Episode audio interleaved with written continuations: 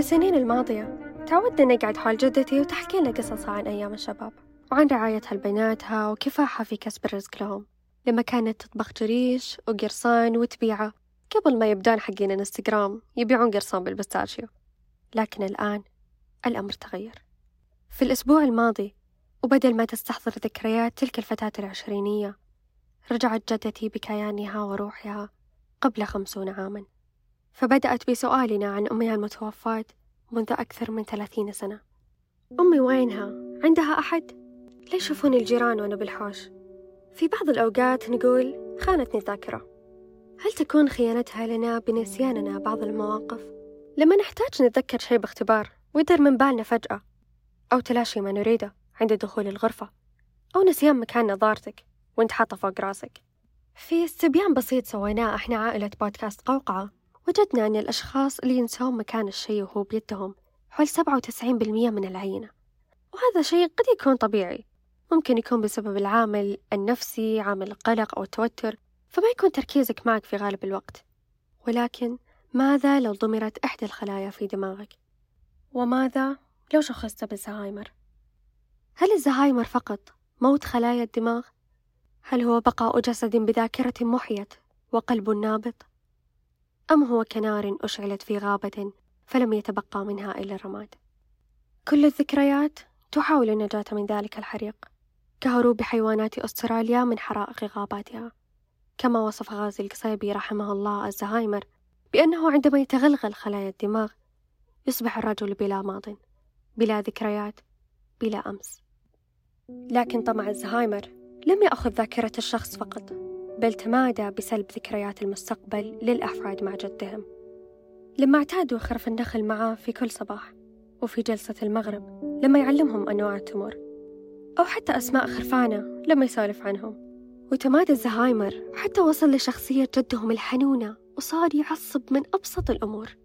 حتى طريق المزرعة اللي تعود إنه يتردد عليه في كل أسبوع أكثر من مرة صار يضيع في كل مرة يتوجه له أو حتى ينسى أن الفجر هو وقت سقاية النخل فصار يسحب كل ليلة لسقايته فقدان الجد لذاكرته ما وقف فقط على أمور ونسيانها بل كان الأثر أعمق في علاقته الوطيدة مع المزرعة اللي كانت له بمثابة أحد أولاده في رعايته واهتمامه بها. وكما يقول محمود درويش بدون الذاكرة لا توجد علاقة حقيقية مع المكان. وفي مواجهة الزهايمر يكون الفريق الطبي يعاون للمصاب من أطباء وأخصائيين. وهنا يكمن دورنا.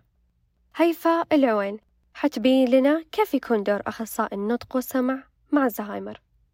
بالنسبة لدور الأخصائي في رعاية مريض الزهايمر ما يكون محدد على شيء معين لأن أثر الزهايمر ما هو منوط على فكرة فقدان ذاكرة بس. حيكون بشكل عام على جميع الوظائف سواء من ناحية كلام أو تواصل إلى حتى أن يصل البل. بداية أحب أنوه أن الزهايمر ترى ما يصيب كبار السن خاصة بالعكس في دراسات تقول ممكن يصيب أشخاص في عمر الأربعين أو حتى الثلاثين. وفي فيلم اقترحناه لكم عبر منصة تويتر كانت بطلة الفيلم أليس تعاني من الزهايمر رغم صغر سنها. وفي البداية ممكن ما يتم تشخيصهم في أول مراحل أو أول ستيجز حتى تبدأ آثار الزهايمر تعيق حياتهم كأن يوصل للمرحلة المتوسطة هنا ممكن يواجه مشاكل كبيرة في تواصله مع الناس أو إنه مثلا ما يقدر يتذكر أحداث اليوم وأحداث أمس. حتى أسماء الأشخاص في حياته يبدأ ينساها أو طريق العودة إلى المنزل. في كثير من الإعلانات اللي شفناها عن طريق تويتر أو الفيسبوك كان آه، أحد أفراد المنزل يفقدون المصابين بالزهايمر أقصد آه، بسبب أنهم ما عرفوا طريق العودة إلى المنزل. وفي قصة أثرت فيني شخصيا أو مقطع كانت أم تواجه صعوبة في التعرف إلى ابنها أو حتى في التعرف إلى مدى علاقتها معه. رغم أن علاقة الأمومة ما هي صفة إنسانية بس. حتى الحيوانات يكون لها علاقة أمومة مع أبنائها.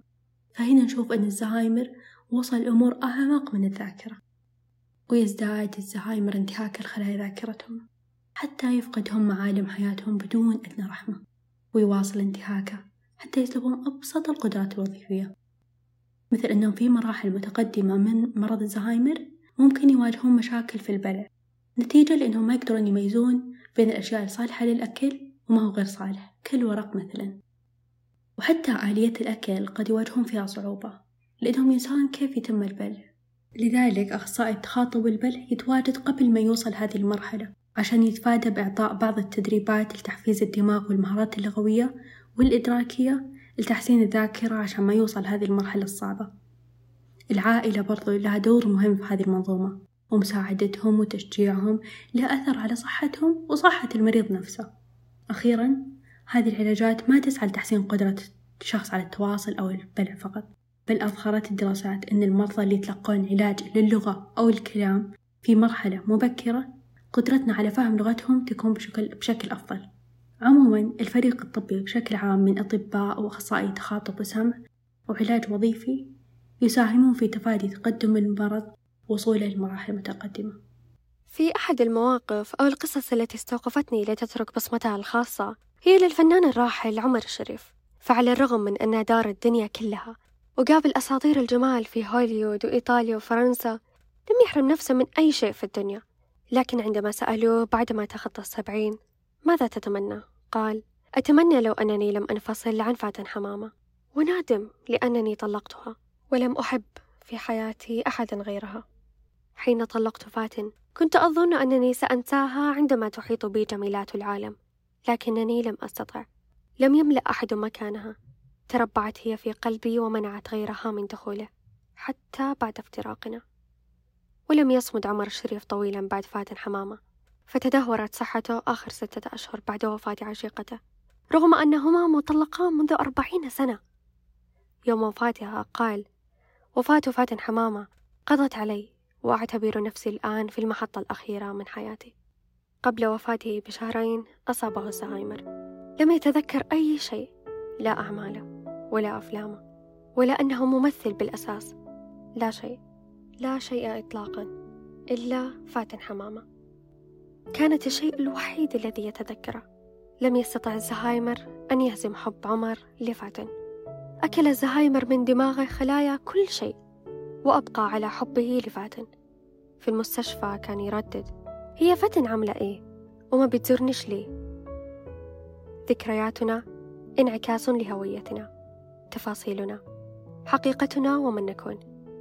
هي من تشكلنا تميزنا وتجعل ملامحنا واضحة لأنفسنا ومن نحب لكن الزهايمر يأتي ليسلبها ويسلب المستقبل منا قاذفا بنا للعدم. تاركا منا غرباء لنا ولمن حولنا. يأتي يوم 21 سبتمبر من كل عام ليذكرنا بمن كانوا هنا ويدفعنا للسعي في رفع الوعي الصحي وتعزيزه وتطوير الخدمات المقدمة لمرضى الزهايمر ومحاولة التقليل من خطر الإصابة به. لتبقى حقيقتنا خالدة لا تندثر.